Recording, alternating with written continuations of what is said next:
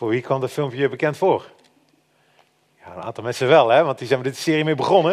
Ik dacht dat het leuk is om het uh, cirkeltje compleet te maken en ook met dit filmpje weer de serie te eindigen vandaag.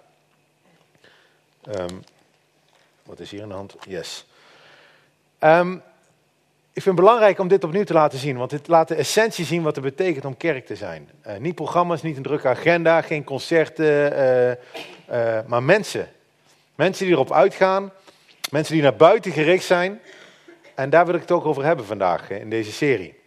En als je vandaag voor het eerst bent, opnieuw welkom. En we zijn al een aantal weken bezig met deze serie over de kerk en die heb ik genoemd Welkom thuis. En waarom heb ik die welkom thuis genoemd? Omdat het zo belangrijk is dat mensen een gevoel mogen hebben als ze in een kerk komen, dat ze thuiskomen. Uh, thuiskomen bij ons, thuiskomen bij de brug, maar nog veel belangrijker, dat ze thuiskomen bij God de Vader. En dat wij aan, aan iedereen in Eindhoven die dat wil, iets mogen laten zien hoe het is als we straks bij God thuiskomen. En ik heb deze serie Welkom Thuis gesplitst in een aantal kamers. Eh, we hebben de kerk benaderd als een, als een huis, een woonhuis met verschillende kamers. En we hebben het gehad over de eetkamer, en we hebben het gehad over de woonkamer, en we hebben het gehad over de keuken. Drie kamers, die we ook in de brug hebben. De, de eetkamer hebben we gezegd, dat is een plek om, om gasten te ontvangen. Waar we gastvrij mogen zijn, waar we met elkaar mogen eten. Waar we geestelijk voedsel tot ons mogen nemen, zeg maar. Dat is onze zondag. De woonkamer, waar het dagelijks leven zich afspeelt, waar je gesprekken hebt, waar je rustig één op één zit, waar je het leven deelt. Dat zijn onze at-homes, waar we door de week ook bij elkaar komen in kleinere groepen. En de vorige keer hebben we het gehad over de keuken. De plek waar het eten gemaakt wordt. De plek waar mensen dienen. En we hebben ontzettend veel mensen bij de brug. Bijna iedereen die, die meedient, die meehelpt op, op alle fronten van de, van, van, van de kerk. En ik vind het zo mooi dat we die mensen hebben. Dat we elkaar hebben om de brug te maken tot wat die is. Want anders zou deze dienst niet eens mogelijk zijn. En vandaag in het laatste deel van deze serie wil ik het hebben over de tuin. En de tuin is natuurlijk niet een kamer in het gebouw, maar net de plek buiten het gebouw. En wie vindt het fijn, ja behalve dan met dit weer natuurlijk, maar wie vindt het fijn om in de tuin te zijn? Wie, wie houdt er van tuinen? Nou, toch veel mensen hè? Nederlanders in het algemeen vinden de tuin ontzettend belangrijk. Wist je dat? 70% van de Nederlanders heeft een tuin. Ik vond dat verrassend, want als je, als je gewoon door de stad rijdt, hebben toch veel mensen geen tuin of, een, uh, of in een appartement of zo. 70% van de Nederlanders heeft een tuin. Dat is het meeste van alle landen van Europa. Um, Funda, ik weet niet of je er wel eens gezien hebt, als je erop gaat kijken, dan, dan kan je al gaan inpakken, denk ik vaak. Hè? Want als mensen daar gaan kijken, dan gaan ze op een gegeven moment verhuizen. Maar Funda staat vaak, de tuin is op het westen of de tuin is op het zuiden. Omdat wij als Nederlanders dat ontzettend belangrijk vinden. In Amerika staat hoeveel badkamers je hebt. Dat vinden zij belangrijk. In Nederland staat op welke ligging je tuin heeft. Ik zelf heb helemaal geen groene vingers. Ik vind uh, het zelfs enorm lastig om mijn gras te laten groeien. Daar kunnen mijn kinderen van getuigen. Uh, laat staan dat er dan ook nog allemaal planten en moeilijke bomen staan die allemaal gesnoeid moeten worden. De kinderen roepen al jaren dat we het gras eruit moeten doen en dat we gewoon kunstgras erin moeten gooien. Uh, en ik ben niet de enige. In het NRC uh, stond een heel leuk artikel over dat Nederland aan vertegelen is. Dat mensen het idee van een tuin wel leuk vinden, maar om daar echt iets in te doen, ja, daar ben ja jullie zijn een uitzondering, maar er zijn, daar ben je de uitzondering. Uh, Nederland, dus leggen mensen mooi tegeltjes neer en dat is redelijk onderhoudsvrij. Maar ik vind het wel leuk om met mooi weer buiten te zitten. Barbecueetje aan, vrienden over de vloer, praatje met de buurman. Lekker buiten zijn. En het filmpje waar we net mee begonnen liet ook zien dat wij als kerk niet binnen moeten gaan zitten, maar lekker naar buiten mogen gaan. Het laatste wat Jezus tegen zijn vrienden zei toen hij hier op aarde was, was ga, ga de wereld in. Blijf niet binnen zitten. Ga naar buiten. En wij weten dat best goed als brug. We zijn begonnen als kerk in Eindhoven vijf jaar geleden met maar een paar mensen, een paar gezinnen. En we moesten wel naar buiten gericht zijn, omdat we anders niet zouden groeien. En we wilden niet groeien door mensen van andere kerken hier naartoe te trekken, uh, maar juist door mensen die, die niet kerkelijk zijn. Mensen die op zoek zijn naar God, mensen die vragen hebben over geloven. En we willen een plek bieden waar ze zichzelf kunnen zijn. Waar ze tot rust komen, kunnen komen, even op adem kunnen komen. En iets van God mogen ervaren. We hadden toen het idee, vijf jaar geleden, dat heel veel kerken in Eindhoven heel erg naar binnen gericht waren. Dat het heel lastig was om daar binnen te komen. Dat de diensten en, en het taalgebruik totaal niet te begrijpen was. En dat wilden we doorbreken. Daarom zijn we zelf een kerk gestart. Een plek willen we zijn waar je makkelijk je vrienden meeneemt. Waar je buren meeneemt, je collega's naartoe neemt. Met thema's die relevant zijn voor het leven. Met normaal taalgebruik, een beetje Brabants. Geen ochtendgymnastiek, alhoewel je natuurlijk vanochtend wel al een kilometer hebt kunnen lopen. En ik denk dat dat best wel gelukt is als brug. Maar het grappige van kerken en het grappige van christenen eigenlijk is dat ze van nature naar binnen gericht worden. Als je niet continu jezelf eraan herinnert van dat het niet gaat om gezellig hier bij elkaar te zijn en een kopje koffie met elkaar te drinken. Maar dat gaat om de mensen in de buurt en de mensen in Eindhoven en in de stad erbij te betrekken met wat we aan het doen zijn. Dan word je vanzelf naar binnen gericht. Ik luisterde een paar jaar geleden naar een eh, toespraak van een, een meneer, Mike Pilovacci heet die, oprichter van Soul Survivor, als je er ooit van gehoord hebt. En die had een heel grappige anekdote had hij, over wat de kerk was in zijn, uh, in, in, in, hij had een mooi beeld daarvan. Hij zei, de kerk is soms net een groot kasteel, met een hele grote gracht eromheen. Misschien wel krokodillen erin, weet ik allemaal niet. Hè? En, en in ieder geval afschrikwekkend voor buitenstaanders. En vooral met een ophaalbrug die omhoog staat. En niemand kan erin en niemand kan eruit. Uh, en één keer per jaar, dan zijn ze weer met een of ander thema bezig. Of dan, dan lezen ze de Bijbel of weet ik wat ze dan aan het doen zijn. Dan voelen ze zich een beetje schuldig. En dan gaat die brug een keer omlaag. En dan sturen ze mensen erop uit. Altijd in groepjes, hè, voor de veiligheid. Want die boze, bange wereld, daar moet je, daar, moet je maar, moet je maar uh, ver van blijven. En dan gaan mensen in groepjes erop uit. Om de, in de boze wereld mensen over Jezus te vertellen. Om zieltjes te winnen. En hoe doen ze dat dan? door uh, christelijke muziek te maken. Want daar zit natuurlijk heel eind over te wachten. Of van die, van die pamfletjes, ken je die? Die krijg ik wel eens in de stad. Van die pamfletjes met daarop van die superzoete plaatjes. Of van die verschrikkelijk foute teksten erin. Of van die flanellen poppenkastspelletjes. Heb je daar wel eens... Oh, ja, dat werkte in 1930, dat snap ik. Maar ja, het is 2019. En op een of andere manier lukt het die kerken dan toch om dit is een beeld van die meneer, om, om twee mensen te overtuigen dat ze mee moeten gaan, dat kasteel in. Dus dan nemen ze die mensen het kasteel terug in, hop, ophaalbrug omhoog. Worden ze een jaar lang, mogen ze, wordt er van alles mee gedaan met die mensen, wordt met ze gebeden, wordt ze Bijbel gelezen. En na een jaar, tussen al die rare christenen in dat rare kasteel, praten die twee mensen net zo raar als de rest. En zijn ze niet meer in staat om een fatsoenlijk gesprek te hebben met een collega of met een buurman.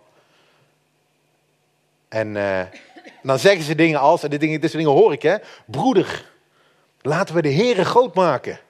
En zijn goedertierenheid aan alle heidenen brengen. Of zo, dat soort zinnen. Hè, van, en denk je, hoe kom je daarbij? Dit is raar taalgebruik. Wat zeg jij nou? Dit is heel raar taalgebruik. En dan gaan ze er weer op uit. En de reden dat ik dat plaatje van Mike Pilovacci zo grappig vind, is omdat het zo herkenbaar is. Ik zie dit continu omheen. Als ik naar mezelf luister soms, dan denk ik, Maarten, wat zeg je nou? Wat zeg je nou? Dit is toch totaal onbegrijpelijk voor iemand die niet gewend is om in de kerk te zitten. Kerken en ook mensen worden van nature naar binnen gericht. Daar hoef je helemaal niks aan te doen. En dat geldt vandaag, maar dat gold ook al 2000 jaar geleden. Luister maar eens mee naar Paulus. Paulus die had allemaal kerken in Europa gestart 2000 jaar geleden. En dan zegt hij tegen de kerk in Turkije bij Efeze, zegt hij dit. Ik gebruik hier een hele moderne vertaling. Jullie hoorden vroeger niet bij het volk van God, zegt hij tegen die mensen. En dan zegt hij een heel mooi zinnetje. Vergeet dat niet. Hij zegt, herinner je nog dat er een tijd was dat je niet naar de kerk ging? Weet je nog hoe het was om God niet te kennen? Om Jezus niet te kennen? Weet je hoe spannend het kan zijn als je voor de eerste keer bij een kerk aankomt en je weet niet wat er gaat gebeuren? Herinner je nog het moment dat je zoveel vragen had en, en mensen allemaal rare antwoorden gaven waar je helemaal niks mee kon?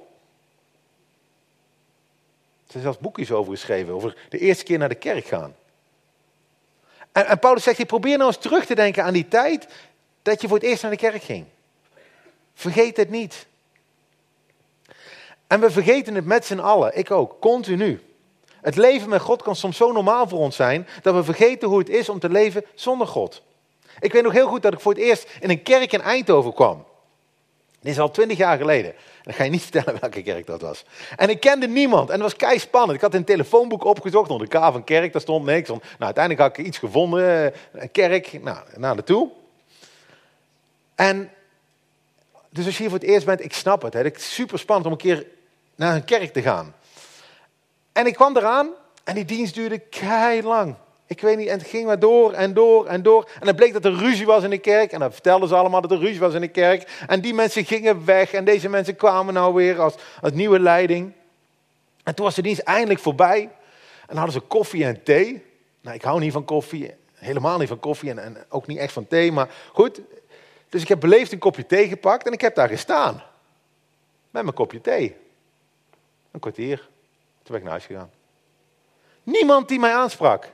Niemand. Omdat iedereen zo blij was dat die dienst voorbij was misschien. Maar ook omdat ze blij waren dat ze met vrienden... Oh, we zien die weer. Ja, die zien we één keer per week. Kunnen we lekker mee praten met onze vrienden. En ik was een vreemdeling. En niemand kende mij. Dus niemand durfde met mij te praten. En ik stond met mijn kopje thee. Die ik niet lekker vond. Jaren later, en dit is een andere kerk in Eindhoven. Kwamen als gezin binnen. En toen zei iemand bij de deur al... Welkom dat je er bent. Misschien als jullie wat vaker komen, dat mensen met je gaan praten. Ik denk, waarom zou ik vaker komen?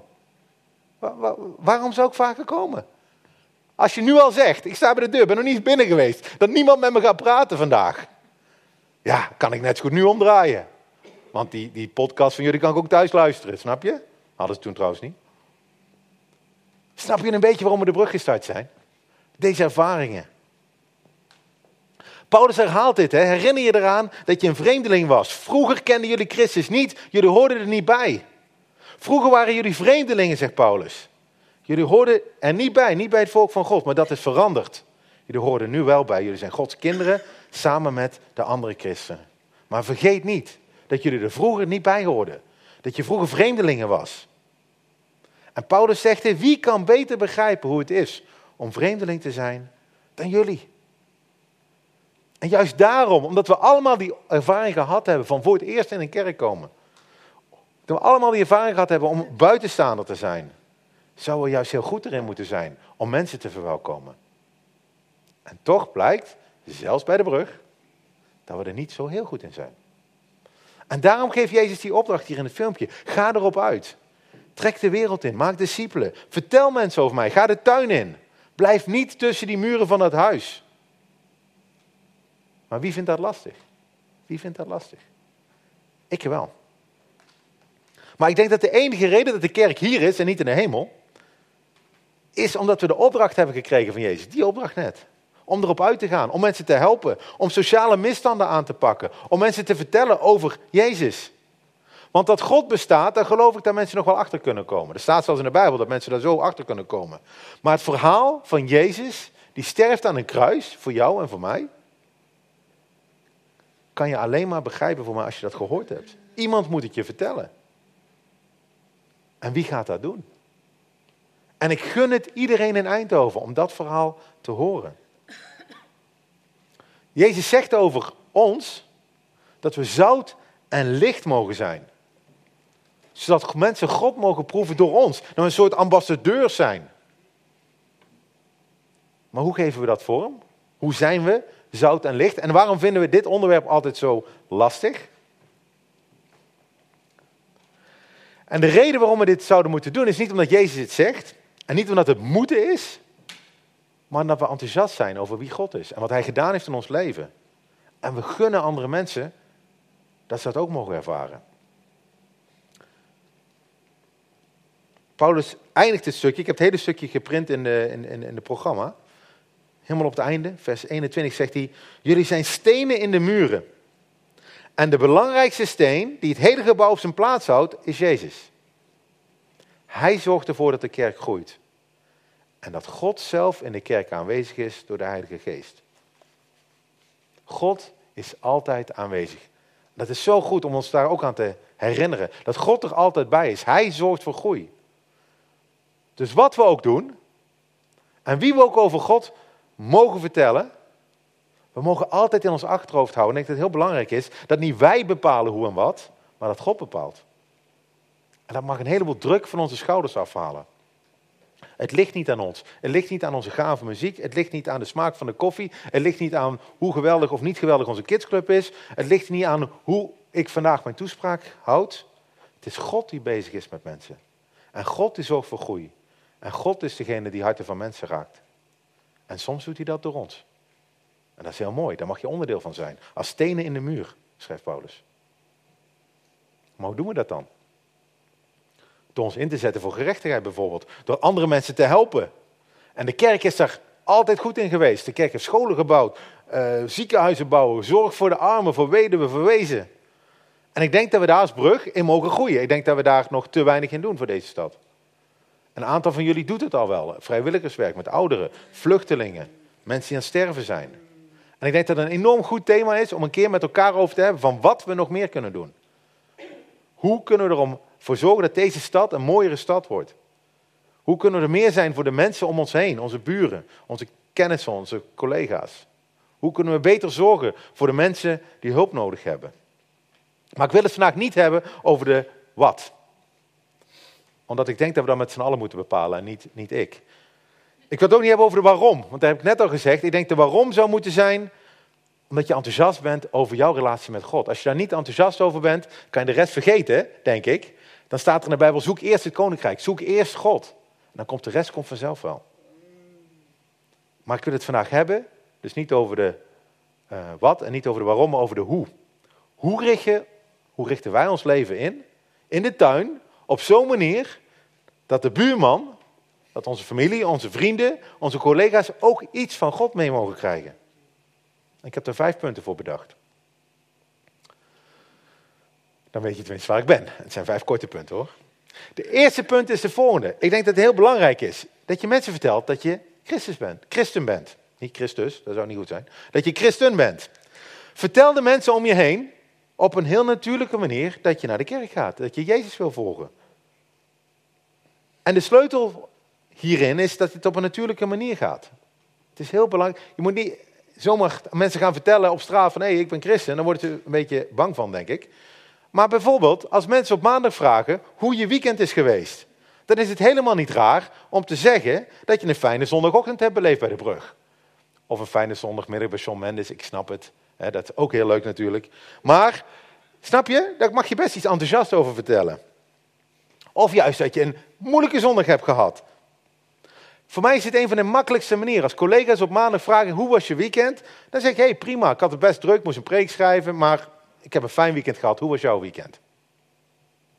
En ik heb hier geen verwachtingen bij. Ik denk dat we vaak de fout maken dat we hier ontzettend veel verwachtingen bij, bij, bij op ons rug nemen. Als iemand anders naar voetbal of naar Sean Mendes is geweest en enthousiaste verhaal over, over vertelt, wil die niet, verwacht hij niet meteen dat jij ook Ajax-fan wordt. Niet, of dat je ook Sean Mendes muziek gaat luisteren, meteen. Dat hoeft helemaal niet. En net zo min moet jij verwachten dat als jij vertelt dat je bij de kerk bent geweest, dat iemand anders daar enthousiast over wordt. Dat hoeft helemaal niet. Soms krijg je reacties, maar ga daar niet naar op zoek. Ga niet te veel prikkelen. Deel gewoon wat je hebt meegemaakt. Tweede is, wees alert en luister. En dit ik preek je naar mezelf, hè? dat snappen jullie ook. Hè? Luister is namelijk niet een van mijn uh, top uh, vijf sterktes. Wees alert, want God is erbij. God was al bezig met die persoon met wie je aan het praten bent. En hij zal verder gaan na je gesprek.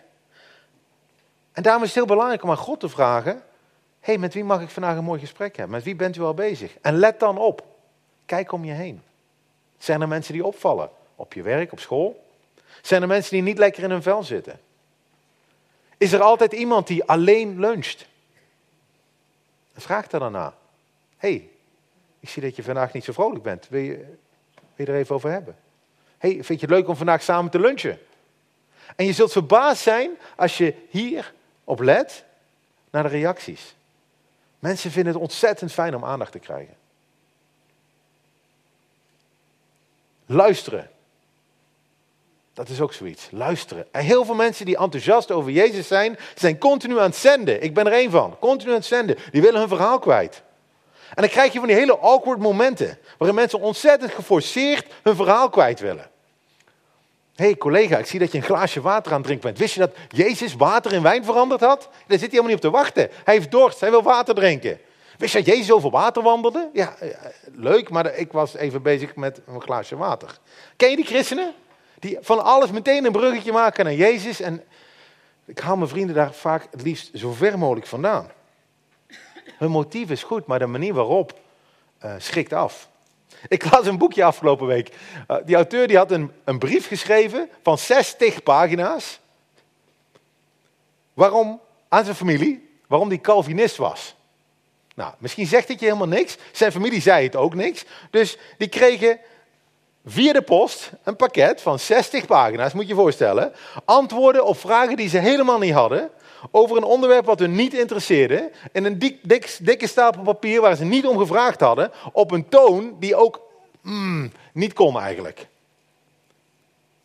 En waarom deed hij dat? Ja, hij was enthousiast. Maar de manier waarop, die mensen konden er helemaal niks mee. En dit bleef jarenlang, zijn foutje, bleef de grap in de familie natuurlijk dat hij dit gedaan had. Kan je je voorstellen? Zomaar 60 pagina's schrijven met dingen waar mensen niet op zitten te wachten. En soms zijn we ook zo, want zenden zijn over dingen waar mensen niet op zitten te wachten. Dus wees alert. Luister naar mensen. Mijn derde punt is, deel je worstelingen. Soms hebben we de neiging om ons voor te doen dat alles oké is. Dat alles prima is, omdat we met God lopen. Doen we net alsof dat we zelf nooit problemen hebben. Maar het belangrijkste is om echt te zijn, om authentiek te zijn. Verberg je niet achter zo'n christelijk masker van alles is oké. Soms is het gewoon oké om niet oké te zijn. Dat, vorige week was het een filmpje. En soms kan je zelfs delen hoe God je helpt, omdat het juist zo moeilijk gaat. Maar wees authentiek. Luisteren en delen is misschien het enige wat je kan doen bij sommige mensen. Soms wel jarenlang. Mensen zullen gaan prikken. Mensen zullen gaan kijken naar je om te zien of je echt bent. Do you walk the talk? Ik heb dat vaak op het werk. Jij mag dat niet, zeggen ze. Maar hey Maarten, je gebruikt een woordje, dat mag jij niet. Ze weten heel goed wat ik wel en niet mag. Dat mag jij toch niet? Of mag je dat op zondag? Dan zijn ze in één keer verbaasd. Maar ze letten op je. Wandel ik zoals ik praat? Een hele goede vraag. Maar dat is niet erg. Als je in deze fase blijft zitten met mensen. Blijf bidden. Blijf met God praten over de mensen die hij je, dat is weer zo'n mooie christelijke term, die hij je op je hart heeft gegeven. Het is aan hem. Hij is bezig met mensen, niet aan jou. Een aantal van jullie trekt al jaren op met mensen waarvan je graag zou willen zien dat ze God zouden gaan volgen. Omdat je zelf zo enthousiast bent over Jezus. En je wil dat, je gunst ze dat.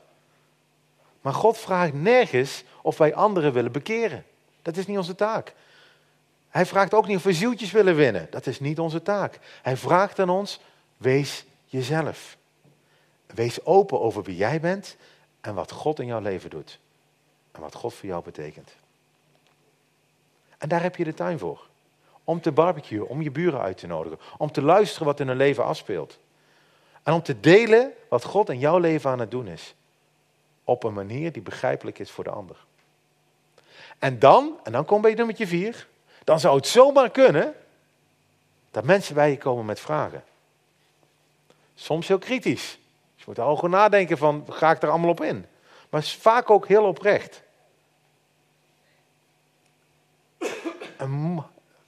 oprechte vragen zijn soms lastig. Ik weet niet of jullie dat wel eens hebben. Dat iemand naar je toe komt met vragen denkt, oeh, dat zijn lastige vragen. Wie heeft dat wel eens? Mensen, mensen lastige vragen, wat moet ik daarmee? Maar denk weer hieraan. God is bezig met die mensen. Jij bent niet God. Fijn hè? Jij en ik zijn niet God. Ik herhaal het eventjes. We zijn ook niet Jezus. We hebben dus niet alle antwoorden. We weten niet alles. Ik weet genoeg om te weten dat ik niet alles weet. En dat ik maar een heel klein beetje weet eigenlijk. En hoe meer ik weet, hoe meer ik erachter kom dat ik steeds minder weet. Soms heb je geen antwoord. Soms moet je dingen opzoeken. Soms moet je, heb je tijd nodig. Soms moet je even met iemand anders praten. Soms moet je een appje sturen naar iemand die het wel weet. Wees daar gewoon eerlijk in. Sorry, ik heb geen antwoord op jouw vraag. Het gaat niet om een, om een discussie te winnen. Het gaat er wel om dat als iemand een serieuze vraag heeft, dat hij een serieus, eerlijk antwoord krijgt. En het is kei mooi als mensen je vragen gaan stellen over het geloof, of over God, of over de kerk, want dat betekent dat God met ze bezig is. Als mensen vragen hebben, nodig ze dan een keer uit. Ga een keer met ze lunchen, drink een keer een kopje koffie of een biertje zodat je beter de tijd kan nemen om de vragen te begrijpen voordat je met jouw antwoorden komt. Neem de tijd voor de ander. En dan, en de vraag draaien we dat helemaal om, pas als je dat soort gesprekken hebt met mensen, dat zou een mooi moment zijn dat je ze kan uitnodigen om een keer hier naartoe te komen op de zondag. Het draait vaak zo om. Hè? Hier, foldertje, kom alsjeblieft op zondag. Mensen denken, wat? Ik, kerk, ik ben helemaal niet mee bezig. Maar als het uit een relatie komt en uit een gesprek komt, gaat dat veel beter.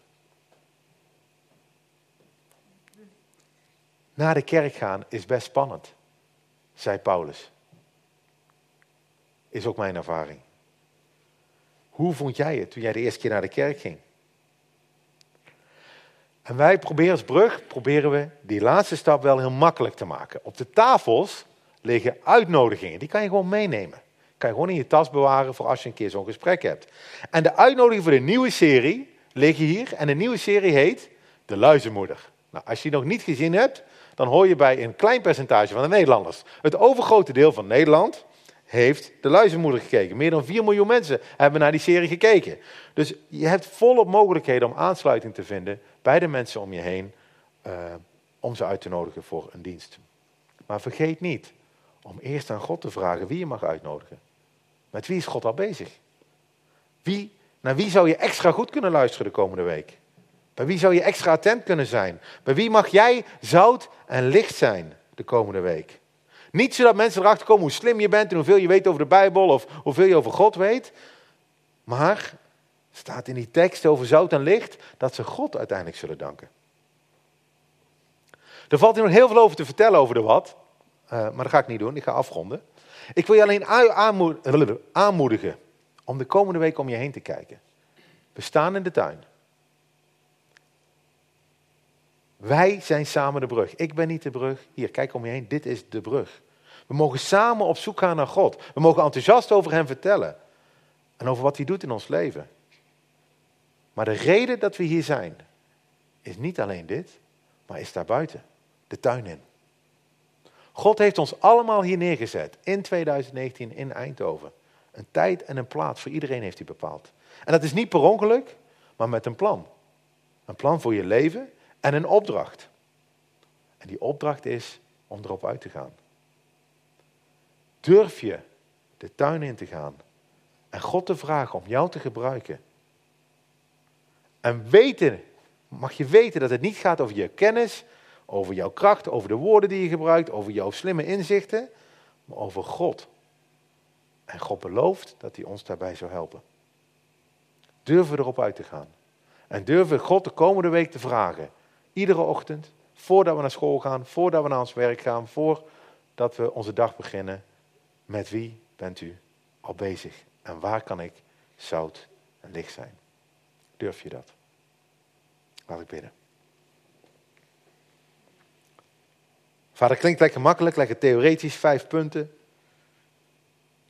Heer, maar het is eigenlijk heel bizar hoe u door ons heen werkt om mensen over u te vertellen. Het zou toch veel makkelijker zijn als u met een grote banner of een zweefvliegtuig of weet ik wat hier op aarde zou komen en zelf over uzelf vertelt. Heer, maar u kiest ervoor om dat door de kerk te doen, door ons te doen. Dat we enthousiast over u mogen zijn, ambassadeurs voor u mogen zijn. Heer, help ons om onze mond dicht te houden. Help ons om te luisteren naar u en naar de mensen om ons heen. Om te ontdekken, Heer, waar u al bezig bent en welke harten van welke mensen u al bezig bent. Heer, help ons om die mensen te vinden die al vragen hebben. En die op zoek zijn naar u. En ik dank u dat we daar een rol in mogen spelen. Ik bid u dat we nog veel van die mensen mogen ontmoeten bij de brug. Mensen die niet gewend zijn om naar de kerk te gaan, maar mensen die op zoek zijn naar wie u bent. Heer, dat we dan mogen vertellen wat u gedaan heeft in ons leven door uw zoon Jezus. Dank u wel, Heer, dat u ons daarvoor wil gebruiken en help ons daarbij ook de komende weken. Amen.